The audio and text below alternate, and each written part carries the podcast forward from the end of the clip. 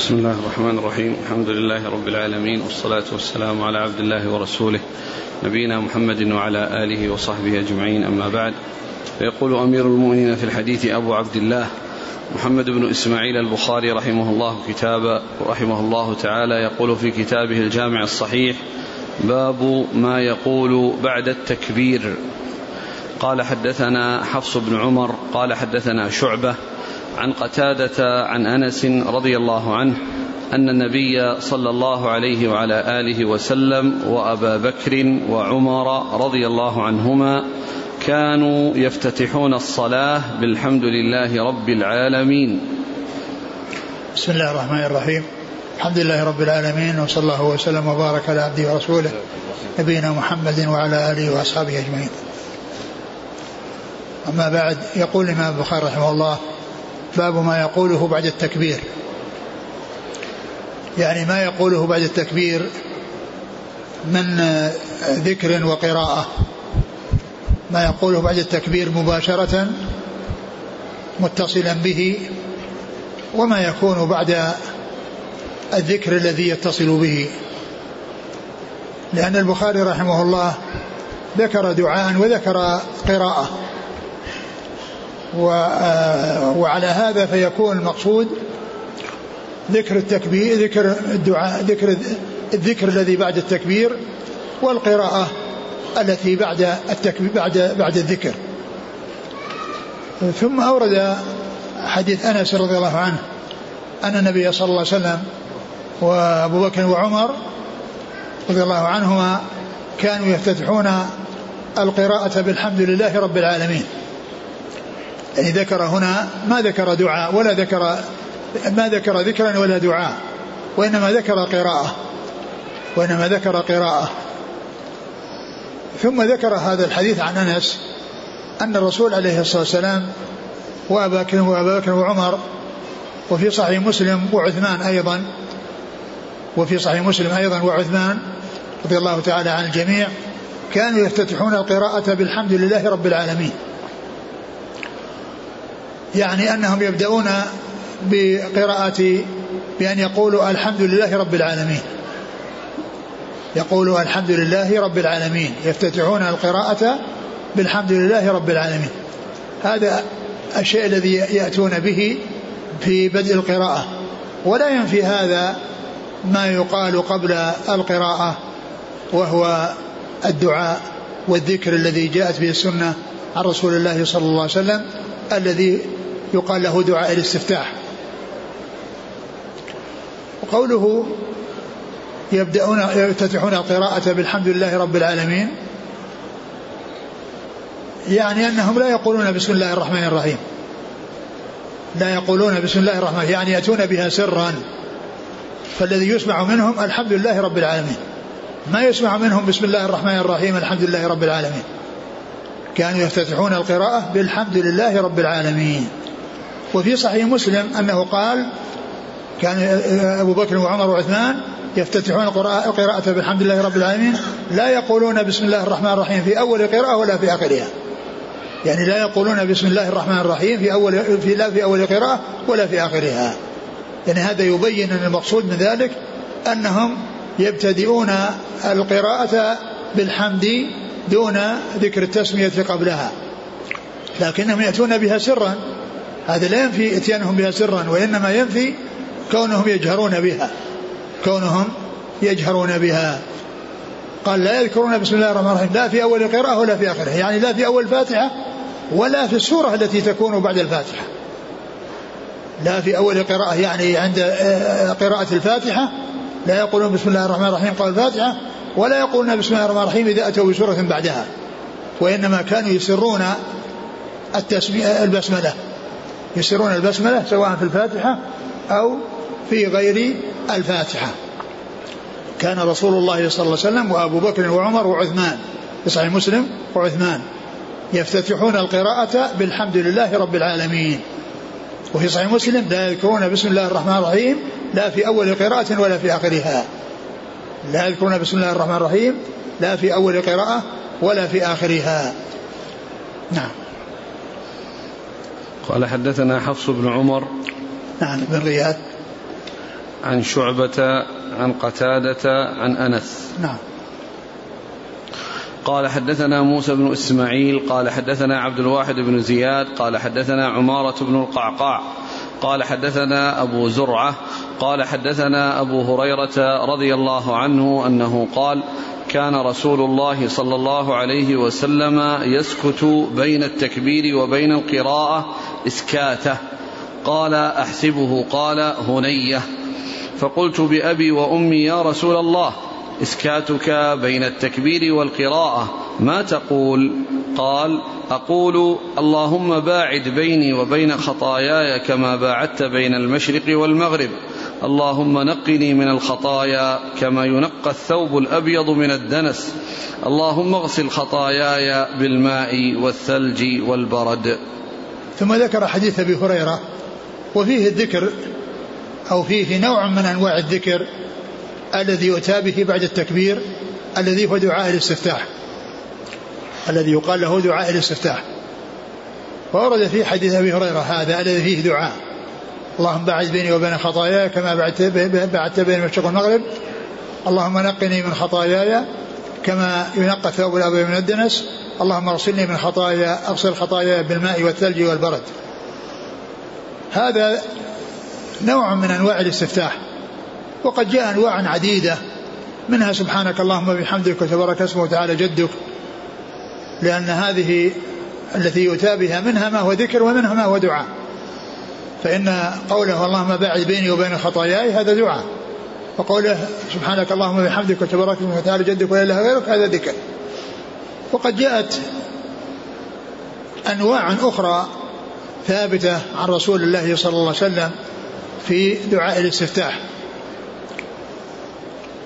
وبعض أهل العلم يختار بعض أنواع لكن هذا يقال له من اختلاف التنوع.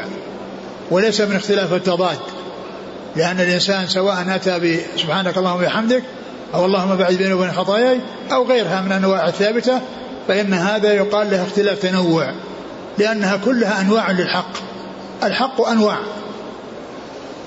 فأي نوع أتى به مما ثبتت به السنة فإنه يحصل به المقصود. ولا يتعين ذكر معين أو دعاء معين من هذه الأدعية وإنما أي واحد يأتي به فإنه يكون أخذ بحق وأتى بما هو حق فهو نوع من أنواع الحق لأن الاختلاف يقولون اختلاف تنوع واختلاف تضاد. اختلاف التنوع هو الذي يكون كل نوع حق كأدعية الاستفتاح وألفاظ الأذان وألفاظ التشهد هذه أنواع. واختلاف التضاد هو الأقوال المتقابلة. هذا حلال وهذا حرام وهذا يبطل الصلاة هذا لا يبطل الصلاة. هذه أشياء متضادة. هذه قال اختلاف تضاد. أما اختلاف التنوع فهو أنواع الحق أنواع. سواء أتى بهذا أو أتى بهذا أو أتى بهذا. أما اختلاف التضاد فلا يقال إنه كله حق بل منه ما يكون حقا ومنه ما لا يكون كذلك. ولكن الذي اجتهد للوصول إلى الحق فإنه مصيب. إن أصاب حصل أجرين وإن أخطأ حصل أجرا واحدا. كما قال عليه الصلاة والسلام إذا حكم الحاكم فاجتهد فأصاب فله أجران وإن اجتهد فأخطأ فله أجر واحد وإن اجتهد فأخطأ فله أجر واحد. أي أن من اجتهد وأصاب حصل أجرين أجرا على الاجتهاد وأجرا على الإصابة ومن اجتهد وأخطأ حصل أجرا واحدا على الاجتهاد. حصل أجرا واحدا على الاجتهاد. هذا فيما يتعلق بالتضاد. أما اختلاف التنوع فكل نوع من أنواع الحق حق. إن أخذ بهذا هو على الحق وإن أخذ بهذا هو على حق. و وكل ويقال فيه أي اختلاف التنوع كل مصيب مصيب حقا كل مصيب حقه. لأن هذه الأنواع كلها حق. لكن اختلاف التضاد ما يقال كل مصيب حقه. لأن الرسول صلى الله عليه وسلم قسم المجتهدين إلى مصيب ومخطئ. قسم إلى مصيب ومخطئ. فلا يقال كلهم أصابوا حقا اللي هو اختلاف التضاد. وإنما يصيب الحق من يصيبه فيحصل أجرين ويخطئ الحق من يخطئه وقد اجتهد وبذل وسعه للوصول إليه فإنه يحصل أجرا واحدا. ولهذا فإن العبارة المشهورة التي يقولون فيها هل كل مجتهد مصيب؟ هل كل مجتهد مصيب؟ أو كل مجتهد مصيب؟ إن أريد بكل مجتهد مصيب أنه مصيب حقا وهذا اختلاف التضاد غير صحيح. ليس كل مجتهد مصيب. لأن الرسول صلى الله عليه وسلم قسم المجتهدين إلى مصيب ومخطئ. فكيف يقال أنهم كلهم مصيب كلهم مصيبون والرسول صلى الله عليه وسلم قسمهم إلى مصيب ومخطئ؟ لكن إذا أريد به الحق آه، الأجر نعم كل مصيب أجرا. كل مجتهد مصيب أجرا مع التفاوت في الأجر. من اجتهد وأصاب حصل أجرين ومن اجتهد وأخطأ له أجر واحد. فكل من المجتهدين مصيب أجرا مع التفاوت في الأجر وليس كل مجتهد مصيب حقا. فإن من الناس من يصيب الحق ومنهم من يخطئه لكن آه، المصيب له أجران والمخطئ له أجر واحد. فإذا يعني هذا اللهم باعد بيني وبين خطاياي كما باعدت بين المشرق والمغرب يعني آه، يسأله سبحانه وتعالى أن يباعد بينه وبين خطاياه وأن آه، يعني يباعد بينه وبين الخطايا بحيث لا يقع فيها ويبعده عن الوقوع فيها أو يباعد بينه وبينها إذا وقعت بأن يتجاوز عنها ويغفرها له. اللهم نقذني من خطاياي كما ينقى الثوب الأبيض من الدنس. يعني أنه يخلصه من الذنوب ويسلمه من الذنوب. كما أن الثوب الذي كان به دنس إذا غسل صار أبيض نقيا فهو يسأله أن يكون ذلك الذي حصل له من الذنوب والذي حصل على قلبه من آثار الذنوب. أن الله عز وجل يتجاوز عنه ذنوبه ويغفرها له حتى يكون يعني قلبه نقيا وحتى يكون خليا وسالما من الذنوب كما تحصل السلامة من الدنس للثوب الذي يغسل فيصير أبيض ناصعا. اللهم اللهم اللهم اغسلني من ذنوبي بالماء والثلج والبرد. يعني أنه أن أن ذنوبه أنها تزول وتذهب كما أن هذه الأنواع المطهرة إذا جاءت شيئا تطهره وتنقيه فإنه يكون نظيفا نقيا فإنه يكون نظيفا نقيا. نعم. قال حدثنا موسى بن إسماعيل تبوذكي. عن عبد الواحد بن زياد نعم. عن عمارة بن القعقاع نعم. عن أبي زرعة بن عمرو بن جرير. عن أبي هريرة. نعم. قال رحمه الله تعالى باب. قال حدثنا ابن أبي مريم. قال أخبرنا نافع بن عمر. قال حدثني ابن أبي مليكة. عن أسماء بنت أبي بكر رضي الله عنهما أن النبي صلى الله عليه وعلى آله وسلم صلى صلاة الكسوف فقام فأطال القيام ثم ركع فأطال الركوع. ثم قام فأطال القيام ثم ركع فأطال الركوع ثم رفع ثم سجد فأطال السجود ثم رفع ثم سجد فأطال السجود ثم قام فأطال القيام ثم ركع فأطال الركوع ثم رفع فأطال القيام ثم ركع فأطال الركوع ثم رفع فسجد فأطال السجود ثم رفع ثم سجد فأطال السجود ثم انصرف. فقال قد دنت مني الجنة حتى لو اجترأت عليها لجئتكم بقطاف من قطافها. ودنت مني النار حتى قلت أي رب وأنا معهم. فإذا امرأة حسبت أنه قال تخدشها هرة. قلت ما شأن هذه؟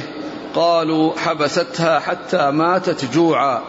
لا أطعمتها ولا أرسلتها تأكل. قال نافع حسبت أنه قال من خشيش أو خشاش. ثم ذكر بعد ذلك قال باب.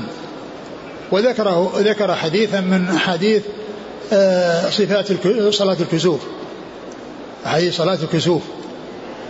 والمعروف عن الباب إذا كان بدون ترجمة أنه بمثابة الفصل من الباب الذي قبله. يعني أن له تعلق بالباب الذي قبله وبمثابة الفصل لأن الأبواب يأتي فيها فصول يأتي تحتها فصول كلها تندرج تحت باب واحد ولكن هذه الفصول متنوعة أو متقاربة فهي يفصل بين نوع ونوع بفصل وإن كانت كلها تندرج تحت الباب الأصلي الذي عقدت له الترجمة. هنا الترجمة في ما يقوله بعد التكبير. ما يقوله بعد التكبير. يعني من ذكر وقراءة. لأن المصنف رحمه الله ذكر الحديث الماضيين أحدهما أنه يؤتى بذكر والثاني أنه يؤتى بقراءة. لكنه لا تنافي بينهما. لأنه يؤتى بالذكر ويؤتى بالقراءة. يؤتى بالذكر ويؤتى بما بعده الذي هو القراءة. وهنا ذكر هذا الحديث الذي فيه صفة صلاة الكسوف وأن الرسول صلى الله عليه وسلم صلى بهم وقام قياما طويلا. قام قياما طويلا ومعلوم أن هذا القيام الطويل ليس ليس فيه إلا قراءة. وصفات صلاة الكسوف الذي جاءت مفسرة في الأحاديث الرسول صلى الله عليه وسلم قام قياما طويلا يقرأ قراءة طويلة ثم ركع ورفع وقرأ قراءة طويلة مع سورة الفاتحة. في كل من الاثنين. ثم إنه سجد سجودا طويلا ورفع منه وسجد سجودا طويلا ورفع منه. ثم قام الركعة الثانية وفعل كالأولى. ففي كل ركعة من ركعات صلاة الكسوف ركوعان وسجدتان. ركوعان وسجدتان. وامتازت صلاة الكسوف على غيرها بتكرر الركوع. أما تكرر السجود هذا موجود في الصلوات كلها. موجود في الصلوات. السجود سجدتان كل ركعة لها سجدتان. لكن في غير الكسوف كل ركعة فيها ركوع واحد.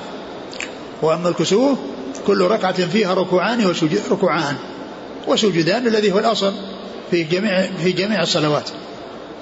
الذي يطابق الترجمة ويتصل بالترجمة أنه قام قياما طويلا يعني قرأ فيه. لأن ما قام قياما ساكتا وإنما قام قارئا كما جاء ذلك مبينا. في الأحاديث الأخرى إذا هو يعني علاقته في الباب الذي قبله أنه مثل مثله مثل ما تقدم أن هذا القيام يفتتح بقراءة ويؤتى به بقراءة. نعم. وكذلك الاستفتاح يؤتى. لأن يعني كل الصلوات تستفتح إلا إلا صلاة الكسوف صلاة صلاة الجنازة. فإنه لا استفتاح فيها. وأما الصلوات الأخرى يستفتح فيها. نعم. قال حدثنا ابن أبي مريم. هو سعيد. سعيد بن الحكم. نعم, نعم. عن نافع بن عمر. نعم. عن ابن أبي مليكة. نعم. عن أسماء بنت أبي بكر. نعم. وذكر في في آخر الحديث شيء يتعلق بصلاة الكسوف وأنه رأى الجنة وعرضت عليه وأنه لو أخذ منها شيئا يعني من من من عنبها يعني لا أخذ ولكنه ترك لأنه جاء في بعض الأحاديث أنه قال لو أخذت منه لأكلتم ما بقيت الدنيا لأن الله تعالى شاء أن يكون نعيم الآخرة غيبا. وألا يكون علانية في الدنيا حتى يتميز من يؤمن بالغيب ومن لا يؤمن بالغيب. حتى يتميز من يؤمن بالغيب ومن لا يؤمن بالغيب. لأنه لو كان نعيم الدنيا نعيم الآخرة جاء في الدنيا ما بقي ميزة على الآخرة. ما بقي ميزة الآخرة على الدنيا. ما دام نعيم الدنيا جاء في نعيم الآخرة جاء في الدنيا إذا خلاص الناس شاهدوا نعيم الآخرة في في الدنيا. لكن نعيم الآخرة يختلف عن نعيم الدنيا. ولهذا جاء وصفه في حديث آخر من حديث صلاة الكسوف قال لو أخذت منه لأكلتم ما بقيت الدنيا. عنقود واحد يأكل منه الناس إلى نهاية الدنيا. هذا يدل على نعيم الآخرة وعظم شأنه وأنه يختلف عن نعيم الدنيا. ولهذا جاء عن ابن عباس رضي الله عنه قال ليس في الدنيا ليس في في الدنيا ما في الآخرة إلا الأسنى يعني أن نعيم الآخرة يعني إنما يتفق يعني من حيث الاسم وإلا فإن النوع غير النوع. يختلف يعني طعم هذا عن طعم هذا وإن كان يشعر بالنوع. نوع العنب يعني معروف النوع نوع الرمان معروف النوع وهذا لكن يعني آه، طعم هذا والتمتع بهذا ليس كالتمتع فيما هو في الدنيا يعني من من, من هذه الأنواع. ولهذا قال ليس فيها إلا الاسمن يعني معناه انه ليس العنب كالعنب والرمان كالرمان وأنه آه، هذا متماثل بل بينهما البون الشاسع. ولهذا قال يعني لا من ناحية المذاق ولا من ناحية البركة والكثرة. ولهذا قال لو أخذت منه يعني عنقودا واحدا لأكلتم ما بقيت الدنيا. فإذا إن شاء الله عز وجل أن تكون أمور الآخرة غيبا حتى يتميز من يؤمن بالغيب ومن لا يؤمن بالغيب. ثم أيضا رأى النار قالت عليه ورأى صاحبة الهرة التي كانت تعذب بها أي بسببها لأنها حبستها ولم تطعمها وتسقها فماتت جوعا فعذبت بها فصارت يعني تخدشها تخدشها. يعني ولهذا صار يعني من حصل منه أمر منكر فإنه يعذب به مثل الذي كان قتل نفسه بسم يعني يتحسى في نار جهنم والذي قتل نفسه بإلقاء نفسه من شائق يفعل ذلك في نار جهنم والذي قتل نفسه بحديدة يعني يؤتى ومعه حديدته يجأ فيها نفسه في نار جهنم. يعني نفس العذاب من جنس الشيء الذي حصل في الدنيا. فهذه فهذه عذبت الهرة بأن حبستها ولم تطعمها فكانت هذه الهرة تخمشها لأنها لم تطعمها وتسقيها لما حبستها ولا هي تركتها تأكل من خشاش الأرض. نعم. قال رحمه الله تعالى باب رفع البصر إلى الإمام في الصلاة. وقالت عائشة رضي الله عنها قال النبي صلى الله عليه وعلى آله وسلم في صلاة الكسوف فرأيت جهنم يحطم بعضها بعضا حين رأيتموني تأخرت. قال حدثنا موسى قال حدثنا عبد الواحد قال حدثنا الأعمش عن عمارة بن عمير عن أبي معمر عن أبي معمر قال قلنا لخباب رضي الله عنه أكان رسول الله صلى الله عليه وسلم يقرأ في الظهر والعصر؟ قال نعم. قلنا بما, بما كنتم تعرفون ذاك قال باضطراب لحيته. ثم قال رحمه الله باب باب رفع البصر إلى الإمام في الصلاة. باب رفع البصر إلى الإمام في الصلاة. يعني كل إنسان ينظر إلى الإمام في الصلاة جاء جاءت السنة في, في ذلك. وجاء أن الإنسان ينظر إلى مكان سجوده. ينظر إلى مكان سجوده وإن نظر أمامه فله ذلك. لكن الأصل والإنسان ينظر إلى مكان سجوده حتى لا ينشغل يعني بأشياء أو بشيء يراه أو بأشياء يشاهدها.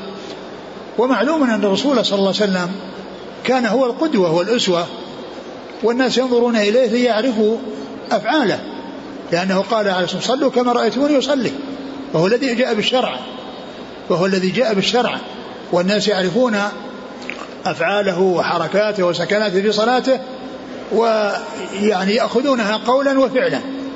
يأخذون من أقواله ما يرشدهم به فيما يتعلق بصلاتهم وكذلك من أفعاله ما يشاهدونه في ركوعه وسجوده وخفضه ورفعه وغير ذلك. صلوا كما رأيتموني يصلي فهو الذي مبلغ الذي جاء بالشرع وهو مبلغ لشريعة الله عز وجل فهم ينظرون إليه ليقتدوا به. وأما غيره ممن يكون وراءه إن نظر إليه لا بأس لكن الأصل أنه ينظر إلى مكان سجوده. ثم ذكر بعض الأحاديث ومنها الحديث الذي أشار إليه وقد جاء عنده في موضع آخر. قال حديث من؟ وقال؟ حديث خباب سألوه. لا الأول الأول. قالت عائشة حديث عائشة قالت النبي صلى الله عليه وسلم في قال صلى الله عليه وسلم في صلاة الكسوف فرأيت جهنم يحطم بعضها بعضا حين رأيتموني تأخرت. يعني هذا هذا الحديث ذكره البخاري في موضع آخر لكنه ذكره هنا ذكر هذه القطعة منه من أجل قوله رأيتموني يعني معناها أن أنهم, أنهم ينظرون إلى الإمام لأن الترجمة هي النظر إلى الإمام وهنا قال حين رأيتموني حين رأيتموني. هذا محل الشاهد. المأمومين كانوا يرون الرسول صلى الله عليه وسلم وهو يتقهقر عندما عرض عليه النار. قال حينما رأيتموني. إذا هذا هو محل الشاهد لكونهم يرونه أو ينظرون إليه. ثم ذكر حديث حديث خباب بن الأرت رضي الله عنه أنه سئل هل كان النبي صلى الله عليه وسلم يقرأ في الصلوات السرية يعني في الظهر والعصر؟ قال نعم. قال بأي شيء كنت تعرفون ذلك؟ قال باضطراب لحيته. باضطراب لحيته يعني يرون العوارض يعني لحيته من اليمين والشمال تتحرك بالقراءة. يعني فكه يتحرك لهذا شأن القراءة. فهذا الذي استدلوا به على قراءته صلى لأن القراءة سرية. ما هي جهرية حتى يعرفون ماذا يقول. لكن كونها سرية كانوا يعرفون ذلك باضطراب اللحية. وهذا يدل على أن القراءة يعني المطلوب فيها تحريك اللسان والشفتين. يعني سواء كان سرية أو جهرية لابد من هذا. يعني كونه يطبق فمه ويعني يستشعر القرآن هذه ما هي قراءة. وإنما القراءة كونه يعني يحرك لسانه وشفتيه بالقراءة والصحابة رضي الله عنهم وأرضاهم كانوا يستدلون على ذلك بهذا الفعل. لأنه كونهم يرونه. يعني كونهم يرون الإمام ولهذا الرسول صلى الله عليه وسلم جاء بالشريعة وهم عرفوا يعني آه، ما كان يفعله بهذه الحركات. حركة يعني فمه واضطراب اللحية. وهذا وهو يدل على أن الرسول صلى الله عليه وسلم كث اللحية وأنه صاحب لحية كثيفة كثة. وكان معفيا لها. وقد جاء عن رسول صلى الله عليه وسلم الأمر بإعفائها بنصوص كثيرة وبصيغ مختلفة فجاء فيه بلفظ أرخوا وبلفظ وفروا وبلفظ أوفوا وبلفظ آه وبلفظ الرابع آه أرخوا وفروا واعفوا أربع أربعة ألفاظ. كلها جاءت عن رسول الله صلى الله عليه وسلم. وأما فعله فكونه كث اللحية كما جاء في هذا الحديث. وكانوا يرونه ويعرفون أنه يقرأ باضطراب لحيته حيث يرونها من يمينه وشماله. يرونها بيمينه وشماله تتحرك. يعني تتحرك الفك وتحرك الشفتين. وأما إقراره فقد كان الصحابة أصحاب لحى موفرة وكان الرسول يقرهم ويقرهم على ذلك. ولهذا السنة تعرف بأمور ثلاثة. تعرف بقوله عليه الصلاة والسلام وبفعله وتقريره. وقد اجتمعت هذه الأمور الثلاثة في إعفاء اللحى. هذه الأمور الثلاثة القول والفعل والتقرير جاءت في إعفاء اللحى. القول خالف المشركين أحفظ الشوارب وأعفوا اللحى. الفعل كان صاحب لحية كثة. وكان هذا الحديث الذي معنا يعني يعرفون باضطراب لحيته يشوفون العو... يعني عوارضه من يمين يسار يعني من ورائه وهم ورائه يشوفونها تتحرك. وكذلك أيضا أصحاب أصحاب رسول الله صلى الله عليه وسلم كانوا أصحاب لحى. والرسول صلى الله عليه وسلم يراهم ويقرهم على ذلك. ولهذا يقولون في تعريف السنة السنة أو الحديث ما أضيف إلى النبي صلى الله عليه وسلم من قول أو فعل أو تقرير. ما أضيف إلى النبي صلى الله عليه وسلم من قول أو فعل أو تقرير. هذه الأمور الثلاثة كلها موجودة في اللحية.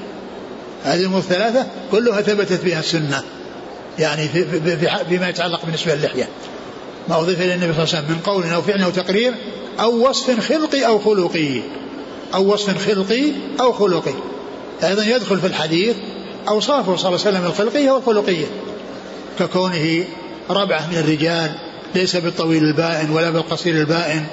يعني هيئته وصفته صلى الله عليه وسلم أيضا هذه تدخل في الحديث. ما أضيف إلى النبي صلى الله عليه وسلم من قول أو فعل أو تقرير أو وصف خلقي أو خلقي عليه الصلاة والسلام. و يقول شيخنا الشيخ محمد أمين شنقيط رحمة الله عليه في تفسير سورة طه عند قصة هارون وموسى خذ بريحتي ولا برأسي تكلم على يعني إعفاء اللحى وعلى أن هذه سنن المرسلين قبل نبينا صلى الله عليه وسلم ونبينا عليه الصلاة والسلام جاء يعني بذلك و وقال إن الرسول عليه الصلاة والسلام كان كان أجمل الناس وكان صاحب لحية كثة كان وجهه أجمل الوجوه وكان يعني كث اللحية عليه الصلاة والسلام. ثم قال إن الذين جاهدوا في سبيل الله وأخذوا كنوز كنوز كسرى وقيصر ليس فيهم رجل حالق. ليس فيهم رجل حالق لأن كلهم أصحاب لحى. لأن لأن حلق اللحى ما ما يعرف في الإسلام وإنما جاء تقليد للكفار وإنما جاء تقليد الكفار ومشابهة للكفار. قال الذين أخذوا كنوز كسرى وقيصر ليس فيهم رجل حالق. الحاصل أن هذا الحديث الذي معنا يعني دال على ما ترجم له المصنف من كون المأموم يعني يرى ينظر إلى الإمام ومعلوم أن النظر إلى الرسول صلى الله عليه وسلم مطلوب ومشروع لأن السنة تؤخذ بذلك بخلاف غيره لا يقال أنه مثله لكن لو حصل أنه نظر إليه لا بأس لكن الأصل أنه ينظر إلى مكان سجوده. نعم. قال حدثنا موسى ابن إسماعيل التبوذكي عن عبد الواحد. نعم بالزيادة. عن الأعمش عن عمارة بن عمير عن نعم. أبي معمر. وهو؟ عبد الله بن صخبرة. نعم. عن خباب. نعم. قال حدثنا حجاج قال حدثنا شعبة قال أنبأنا أبو إسحاق قال سمعت عبد الله بن يزيد رضي الله عنهما يخطب قال حدثنا البراء رضي الله عنه وكان غير كذوب أنهم كانوا إذا صلوا مع النبي صلى الله عليه وسلم فرفع رأسه من الركوع قاموا قياما حتى يرونه قد سجد. ثم ذكر هذا الحديث عن عن البراء بن عازب رضي الله تعالى عنه الحديث سبق أن مر بنا في متابعة الإمام وأنهم يعني يأتون بأفعالهم بعد أفعاله إذا سجد سجدوا وإذا ركع ركعوا وإذا يعني كبر كبروا يعني يقتدون به عليه الصلاة والسلام. أورد هذا الحديث من أجل قوله أنهم إذا قام من الركوع رفعوا فلا يزالون قياما حتى يرونه قد سجد.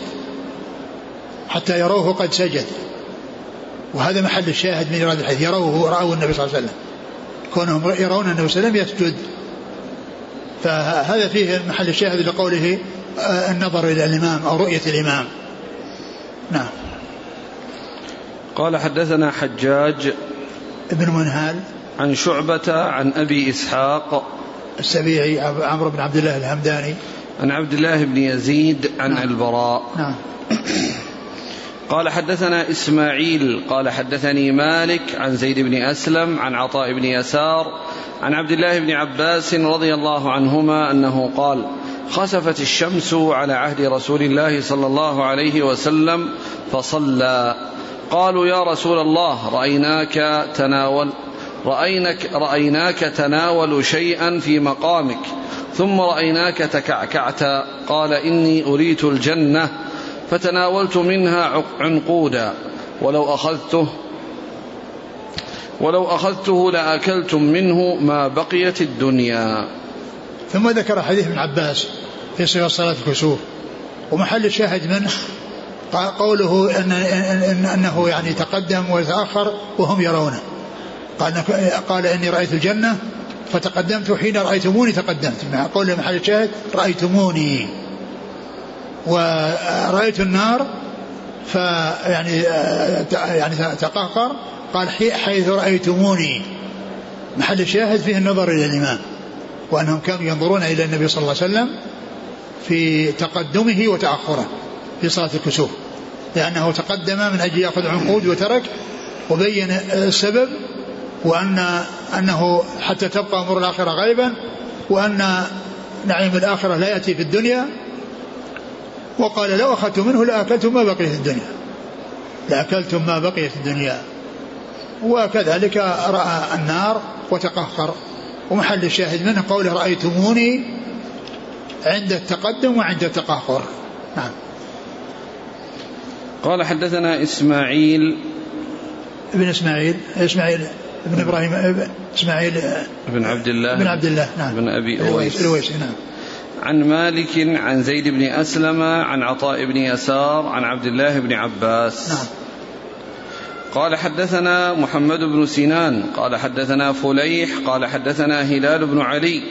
عن أنس بن مالك رضي الله عنه أنه قال صلى لنا النبي صلى الله عليه وسلم ثم رقى المنبر فأشار بيديه قبل قبل قبلة المسجد ثم قال لقد رأيت الآن منذ صليت لكم الصلاة الجنة والنار ممثلتين في قبلة هذا الجدار. اعد اعد قال عن أنس. قال صلى لنا النبي صلى الله عليه وسلم ثم رقى المنبر فأشار بيديه قبل قبلة المسجد ثم قال لقد رأيت الآن منذ صليت لكم الصلاة الجنة والنار ممثلتين في قبلة هذا الجدار فلم أر كاليوم في الخير والشر ثلاثا. ثم ذكر حديث أنس وهو يتعلق بصلاة الكسوف. وأن النبي صلى الله عليه وسلم بعدما صلى بهم صعد المنبر وأشار بيده إلى القبلة. ومحل الشاهد منه كونهم يعني رأوه يشير. رأوه يشير إلى القبلة. وهذا إنما هو في الخطبة. لكنه صلى الله عليه وسلم كما جاء يعني مبينا في الأحاديث الأخرى أنه يعني آه، رأوه يتقدم ورأوه يتأخر. والترجمة هي معقودة يعني النظر إلى الإمام. يعني هو في الصلاة وأما هذا نظر إليه وهو على المنبر. لكن الحديث يعني فيه أن الجنة والنار أنها كانت في في الجدار وأنه رآهما في الجدار وممثلتين له صلى الله عليه وسلم وأنه تقدم وتأخر وقد رأوه صلى الله عليه وسلم يعني آآ آآ وهو يفعل ذلك. وأما الذي هنا فإنه على المنبر وأشار إلى القبلة يعني وهم وهم يرونه صلى الله عليه وسلم ويرون إشارته. كمل. رقى المنبر فأشار بيديه قبل قبلة المسجد ثم قال لقد رأيت الآن منذ صليت لكم الصلاة الجنة والنار ممثلتين في قبلة هذا الجدار فلم أرك اليوم في الخير والشر نعم. ثلاثا. نعم. قال حدثنا محمد بن سنان قال حدثنا فليح. بن سليمان. عن هلال بن علي عن أنس بن مالك. قال رحمه الله تعالى باب رفع البصر إلى السماء في الصلاة.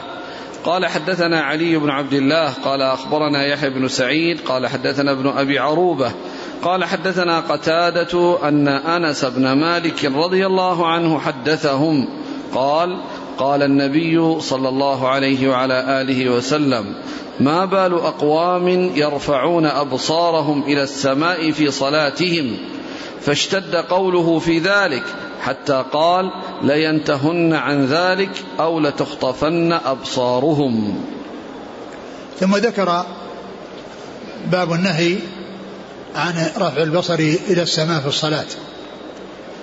آه الإنسان عندما يصلي لا يرفع بصره إلى السماء ولا يلتفت يمينه ولا شمالا وإنما ينظر إلى مكان سجوده.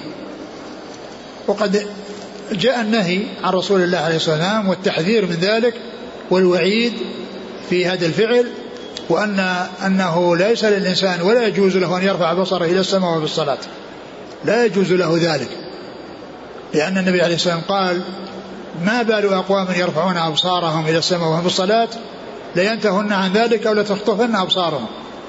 يعني أنهم يعني إذا ما انتهوا قد تحصل لهم العقوبة وهو أن هذا البصر الذي يعني أنعم الله عليهم به يخطف أبصارهم فيعني يحصل فيه يعني تغير وتأثر بحيث أنهم يفقدونه أو أو يفقدون يعني شيئا منه. وبذلك يعني تحصل لهم العقوبة ويكون هذه العقوبة من جنس العمل أو تتعلق بالعمل. لأن سبق أن مر بنا الذي يرفع رأسه قبل الإمام يا ما يخشى أن يجعل الله رأسه رأس حمار رأس حمار أو صورته صورة حمار. وهنا قال ينتهون عن رفع أبصارهم أو لتخطفن. يعني هذا الذي رفع يعني يحصل يعني إذهاب هذه النعمة. وإذهاب هذه النعمة العظيمة التي أنعم الله بها على على الإنسان وهي البصر. فليس الإنسان لأن هذا فيه آه، اشتغال آه، في الصلاة في غير شيء سائغ فيها فالإنسان لا يرفع بصره ولا يلتفت لا يمينه ولا شماله. ولا يلتفت يمينه ولا شماله وإنما يقبل على صلاته فلا ينشغل عنها برفع أو التفات يعني ينشغل به عن الصلاة ويحصل منه نقص في الصلاة. وإخلال في في الصلاة. نعم. قال حدثنا علي بن عبد الله بالمديني عن يحيى بن سعيد قطان. عن ابن أبي عروبة سعيد بن أبي عن عروبة. عن قتادة عن أنس. نعم. قال رحمه الله تعالى باب الالتفات في الصلاة. قال حدثنا مسدد قال حدثنا أبو الأحوص قال حدثنا أشعث بن سليم. عن أبيه عن مسروق عن عائشة رضي الله عنها أنها قالت سألت رسول الله صلى الله عليه وسلم عن الالتفات في الصلاة فقال هو اختلاس يختلسه الشيطان من صلاة العبد. ثم ذكر آه ذكر هذه الترجمة وهي الالتفات الالتفات في الصلاة. وذكر حديث عائشة رضي الله عنها أنها سألته عن الالتفات في الصلاة قال هو اختلاس. يختلسه الشيطان من صلاة العبد. يعني اختلاس يعني كونه يعني يأخذه من صلاة العبد يعني بخفية يعني بحيث أنه يفسد عليه صلاته أو ينقص صلاته أو يعني يضر به في صلاته بحيث يشغله عنها بالالتفات. فهو اختلاس يختلسه الشيطان من صلاة العبد. نعم. قال حدثنا مسدد عن أبي الأحوص. سلام بن سليم الحنفي. عن أشعث بن سليم عن نعم. أبيه. نعم. عن مسروق عن عائشة. نعم. قال حدثنا قتيبة قال حدثنا سفيان عن الزهري عن عروة عن عائشة رضي الله عنها أن النبي صلى الله عليه وعلى آله وسلم صلى في خميصة لها أعلام فقال شغلتني أعلام هذه. اذهبوا بها إلى أبي جهم وأتوني بأنبجانية وأتوني بأنبجانية. ثم ذكر هذا الحديث. حديث من؟ عائشة. حديث عائشة أن الرسول صلى الله عليه وسلم صلوا عليهم بجانية. والأنبجانية صلى, صلى عليهم بجانية عليه على خميصة لا أعلام. على صلى في خميصة. فيعني ولها أعلام. أعلام يعني فيها خطوط. يعني تلفت النظر. يعني ف فلما فرغ قال اذهبوا بها إلى أبي جهم وأتوني بأنبجانية أبي جهم فإنها ألهتني عن صلاتي. الانبجانية هي كساء ليس له أعلام. وكانت جاءته هدية من أبي, أبي, أبي جهم. فالرسول عليه الصلاة والسلام لما ردها عليه يعني حتى لا يقع في نفسه شيء لأن هدية ردت إليه طلب بدلها الانبجانية التي عنده. الانبجانية التي عنده حتى يطيب نفسه ويطيب خاطره وحتى لا يتأثر من كون هدية ردت إليه. وهنا ذكر في باب الالتفات. وليس بواضح. لأن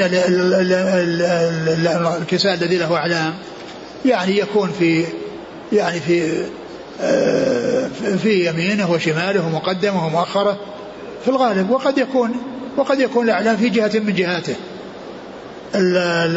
الحافظ بن حجر قال إنه يعني إن الإعلام يعني على كتفه أو من جهة يمينه وهذا يحصل لا يتأتى إلا عن طريق الالتفات.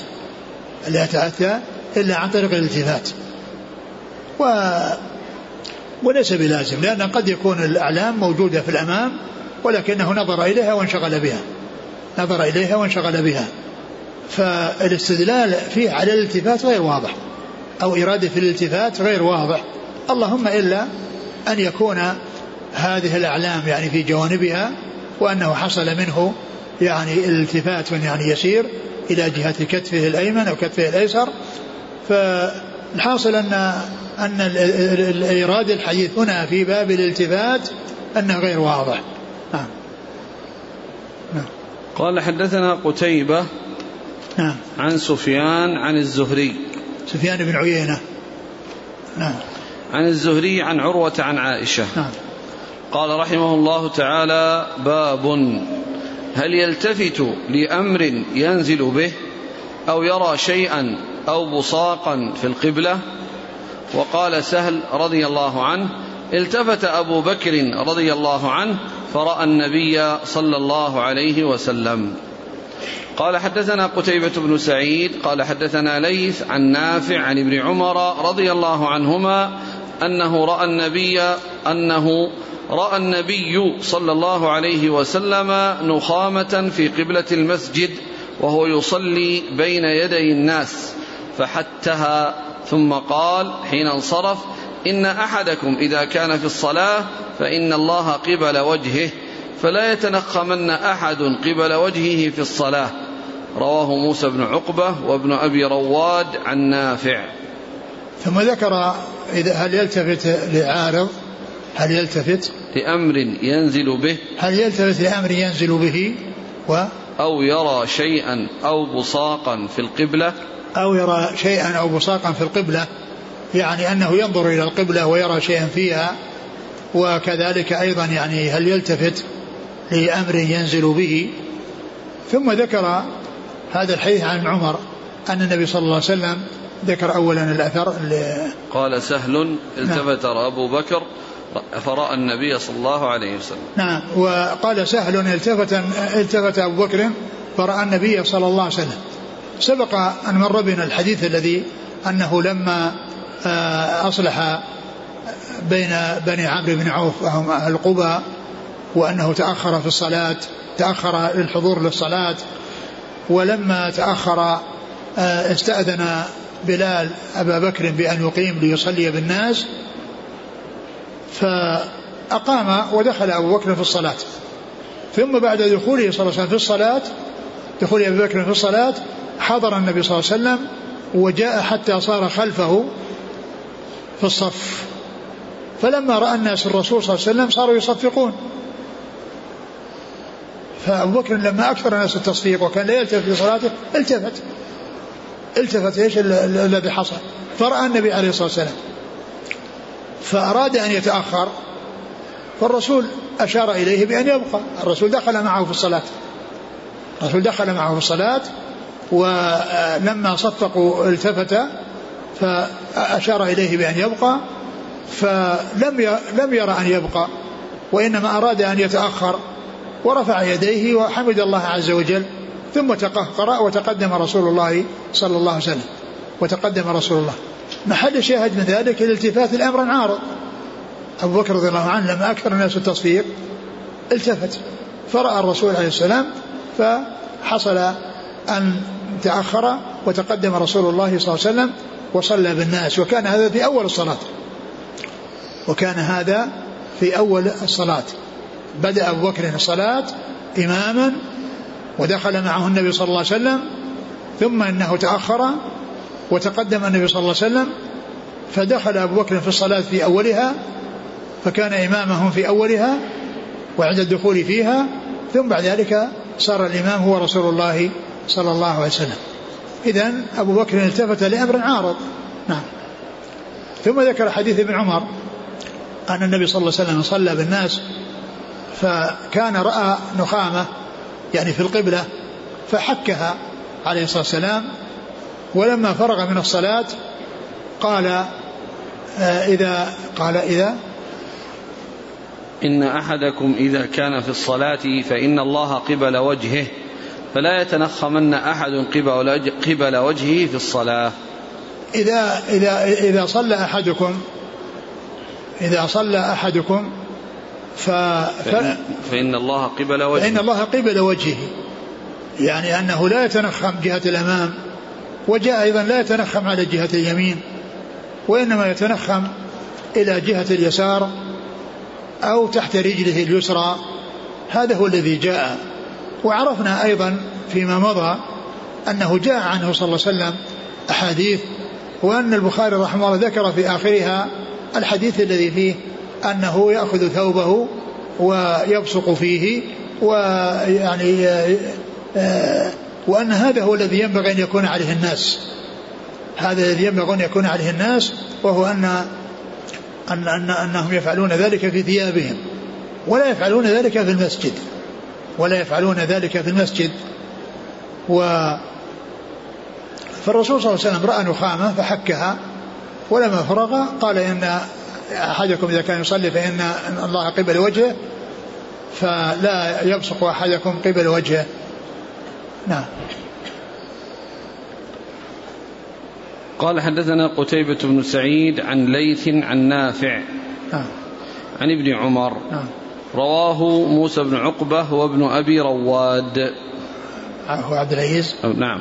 نعم. عن نافع. نعم. قال حدثنا يحيى بن بكير قال حدثنا ليث بن سعد عن عقيل عن ابن شهاب قال أخبرني أنس رضي الله عنه قال بينما المسلمون في صلاة الفجر لم يفجأهم إلا رسول الله صلى الله عليه وسلم كشف ستر حجرة عائشة فنظر إليهم وهم صفوف فتبسم يضحك ونكص أبو بكر رضي الله عنه على عقبيه ليصل له الصف فظن أنه يريد الخروج وهم المسلمون أن يفتتنوا في صلاتهم فأشار إليهم أتموا صلاتكم فأرخى الستر وتوفي من آخر ذلك اليوم. ثم ذكر هذا الحديث الذي فيه أن النبي عليه الصلاة والسلام في صلاة الفجر وهم وقد دخلوا في الصلاة. كشف الستر وجعل ينظر إليهم. ويعني أراد أبو بكر أن يتأخر. معلوم أن الرسول أن أبو بكر يعني التفت لأن الحجرة كانت في يسار في يسار الصفوف في يسار المسجد ولا يتأتى ذلك إلا بالالتفات. لا يحصل ذلك إلا بالالتفات إلى جهة اليسار. فأبو بكر يعني التفت والصحابة رضي الله عنهم التفتوا لرؤية النبي صلى الله عليه وسلم وقد فرحوا فرحا شديدا و وأشار إليهم أن يتمون صلاة يتموا صلاتهم ثم أنه أزال الستر وأعاده على ما كان عليه وتوفي صلى الله عليه وسلم في ذلك اليوم الذي هو يوم الاثنين. توفي في ذلك اليوم الذي هو يوم الاثنين فكانت هذه يعني آخر يعني يعني كانت حصلت منهم هذه النظرة لرسول الله صلى الله عليه وسلم عند هذه الالتفاتة التي حصلت في ذلك اليوم. ومحل الشاهد من ذلك أن الالتفات يكون لعارض. والصحابة رضي الله عنهم وأرضاهم التفتوا وأبو بكر التفت من أجل أن الرسول صلى الله عليه وسلم بدا لهم وظنوا أنه سيخرج ليصلي بهم وأبو بكر تأخر ليأتي الرسول صلى الله عليه وسلم مكانه ولكنه أشار إليهم بأن يتموا صلاتهم فأتموها وتوفي رسول الله صلى الله عليه وسلم من ذلك اليوم. محل الشاهد من هذا الالتفات للعارض نعم. قال حدثنا يحيى بن بكير نعم. عن ليث بن سعد عن عقيل. عقيل بن عقيل بن خالد بن عقيل. عن ابن شهاب عن نعم. أنس. نعم. قال رحمه الله تعالى باب وجوب القراءة للإمام والمأموم في الصلوات كلها في الحضر والسفر وما يجهر فيها وما يخافت. والله أعلم وصلى الله وسلم وبارك على عبده ورسوله نبينا محمد وعلى آله وأصحابه أجمعين. جزاكم الله خيرا وبارك الله فيكم. ألهمكم الله الصواب ووفقكم للحق شافاكم الله وعافاكم ونفعنا الله ما سمعنا. غفر الله لنا ولكم وللمسلمين أجمعين آمين. يقول السائل هل يجوز أن نقول إن القرآن دل على إعفاء اللحية؟ وذلك في قوله قال يا ابن أم لا تأخذ بلحيتي ولا برأسي. نعم وقد دل, أم نعم دل على هذا. نعم دل القرآن على أن هذا من سنن المرسلين. وذلك وشيخنا الشيخ الأمين الشنقيط رحمه الله ذكر هذا الكلام الذي ذكرته عند هذه الآية وأن هذا من سنة المرسلين. وقال إن الذين كما ذكرت لكم عند هذه الآية في أضواء البيان قال إن الصحابة الذين أخذوا كنوز كسرى وقيصر ودانت لهم الأرض ليس فيهم رجل حالق. يعني كلهم أصحاب لحى. الحلق هذا حلق اللحى جاء من الكفار ومن التشبه بالكفار. ثم أيضا التشبه بالنساء أيضا. تشبه بالكفار تشبه بالنساء. لأن النساء هن لما لهن شعر؟ فإذا حلق الإنسان وجهه وشعره وصار مثل المرأة لا شعر في وجهه صار شبيها بالمرأة. فيدخل تحت قوله لعن الله مشبهين الرجال بالنساء الأخ يريد أن يستدل بآية أخرى على إثبات الوجوب. يقول وقد أمر الله تعالى باتباع هدي موسى في قوله بعد ذكر اسمه ضمن الأنبياء فبهداه مقتده. فهل هذا يدل على وجوب إعفاء اللحية من القرآن الكريم؟ آه بالنسبة للوجوب إنما هو واضح في في واضح في آه، قضية الأوامر التي جاءت من رسول الله صلى الله عليه وسلم. ومن آه، فعل الرسول الذي داوم عليه ومن فعل الصحابة رضي الله عنهم. والأمر يعني جاء بصيغ متعددة وجاء أيضا اللعن المتشبهين من الرجال بالنساء وهذا يعني يدخل تحته. وإذا قيل إن إن هذا يدخل تحت يعني آه، تحت قوله فبهداه مقتده وأن هذا يعني جاء وأن هذا أمر لكن آه، الأوامر التي في شريعتنا وفي آه، يعني حديث الرسول صلى الله عليه وسلم هي أوضح شيء في ذلك. نعم. يقول ذكر الحافظ بن حجر السكتة بين الفاتحة والسورة. قال ثبتت في حديث سمرة عند أبي داود وغيره. فما رأيكم؟ إيش؟ السكتة بين الفاتحة والسورة. ثبتت في حديث سمرة عند أبي داود وغيره. أه ما أدري عن قضية سمرة هذا هو. يعني هل من رواية الحسن؟ يعني هل هو من رواية الحسن؟ أنا لا أعرف لكن الذي أعرف أنه ما ثبت في السكتات شيء إلا في السكتة الأولى. وأظن هذا أن فيه الحسن عن سمرة أظن فيه الحديث الذي فيه هذا أن الحسن عن سمرة وهذا يعني رواية الحسن عن سمرة يعني معروف أنها الأصل فيها عدم الاتصال إلا أن يأتي شيء مثل ما جاء في حديث العقيقة في حديث في حديث العقيقة. يعني الذي جاء فيه آه يعني سماع الحسن من سمرة. نعم. الذي ثبت هو الذي جاء في حديث هريرة الذي مر بنا بين التكبير والقراءة. بين التكبير والقراءة. أما بين السورة نعم يعني كونه يعني كلام متصل ما في اتصال لكن يعني آه، بمقدار ما يتردد النفس لكن ليس من ذلك إن القراءة موصولة يعني بدون سكوت كما يكون السكوت بين الآيات يكون السكوت أيضا بعد بعد الفاتحة وبعد آه، الآيات التي أو قراءة ما يكون بعدها من آيات أو سور وين ذكر هذا الحافظ بن حجر؟ ما ذكر الصفحة. نعم. أرسل سؤالا نعم. بلا ذكر صفحة. نعم. آه فضيلة الشيخ هل على كل إذا كان هذا المقصود به هذا فهو معروف. حسن عن سمرة آه، يعني آه، غير ثابت. نعم. هل الجهر بالبسملة ورد عن النبي صلى الله عليه وسلم؟ جاء في حديث أبي هريرة الذي فيه آه، قال آه، أنه قال أنه يصلي بهم أو أنه أشبههم بصلاة الرسول صلى الله عليه وسلم وقد قرأ بسم الله الرحمن الرحيم. قد ذكر بسم الله الرحمن الرحيم.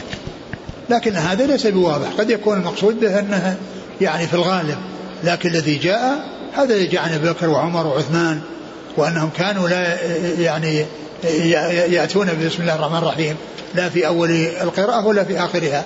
هذا هو الذي واضح. أما ذاك فليس بواضح. الاستدلال فيه ليس بواضح ذكره في باب الكلام الأول عندنا كلام الحافظ بن حجر إيه. بعد حديث أبي هريرة أرأيت سكوتك بين التكبير والقراءة ماذا تقول؟ قال في ضمن كلامه قال والسكتة التي بين الفاتحة والسورة ثبت فيها حديث سمرة عند أبي داود وغيره. إذا كان في رواية الحسن عن سمرة وأظنه كذلك إنه ما جاء من حديث الحسن عن سمرة. ولكن هذا يعني لا يعتبر ثابتا لأن اللي ثبت هو حديث الحقيقة أو شيء ثبت فيه التصريح بالسماع. يقول هل يمكن أن يستدل بقوله تعالى ولا آمرنهم فليغيرن خلق الله على تحريم حلق اللحية؟ من القرآن؟ ما أدري يعني هذا لكن آه تحريم حلق اللحية جاء في أحاديث ووجوب إعفاء اللحية جاء في أحاديث وهو كافي السنة تكفي. ما جاء فيها يكفي ولو ما جاء في القرآن. ليس بلازم أن أنها ما يستدل إلا في القرآن بل ما جاء في السنة يكفي. فليحذر الذين يخالفون عن أمره أن تصيبهم فتنة أو يصيبهم عذاب أليم. وما أتاكم الرسول فخذوه وما نهاكم عنه فانتهوا. ولا أدري يعني هل يعني هل آه، أحد استدل من أهل العلم بهذه الآية على أن آه، حلق اللحى من هذا القبيل؟ لا أدري. هذا يقول بأنه أخذ قرضا باسم رجل آخر من البنك وهذا الرجل الذي أخذ القرض باسمه قد مات ونظام البنك أن المتوفى يسقط عنه القرض. فهل الآن الورثة لهم حق في هذا المال؟ لا أدري. هذه يمكن يكتبون للإفتاء ويسألون في هذا. يقول وفقك الله ما حكم تعلم تعلم المنطق وتعليمه للناس؟ تعلم المنطق يعني ذكر شيخ الإسلام ابن تيمية في آخر الفتوى الحموية كلام يعني يقول ان إن الناس يعني الذين يدخلون في علوم يعني فلا يكونون متمكنين فيها حتى يعرفوا ما فيها من فساد وما فيها من ضرر. هؤلاء قد يحصل منهم آه، لهم التضرر ويحصل بهم التضرر. وذكر أنه قال إنما يفسد الناس, يفسد الناس أربعة نصف طبيب ونصف نحوي ونصف متكلم ونصف فقيه. يعني فالذي عندهم يعني في في في وسط الطريق يعني يحصل منهم الضرر على أنفسهم وعلى غيرهم.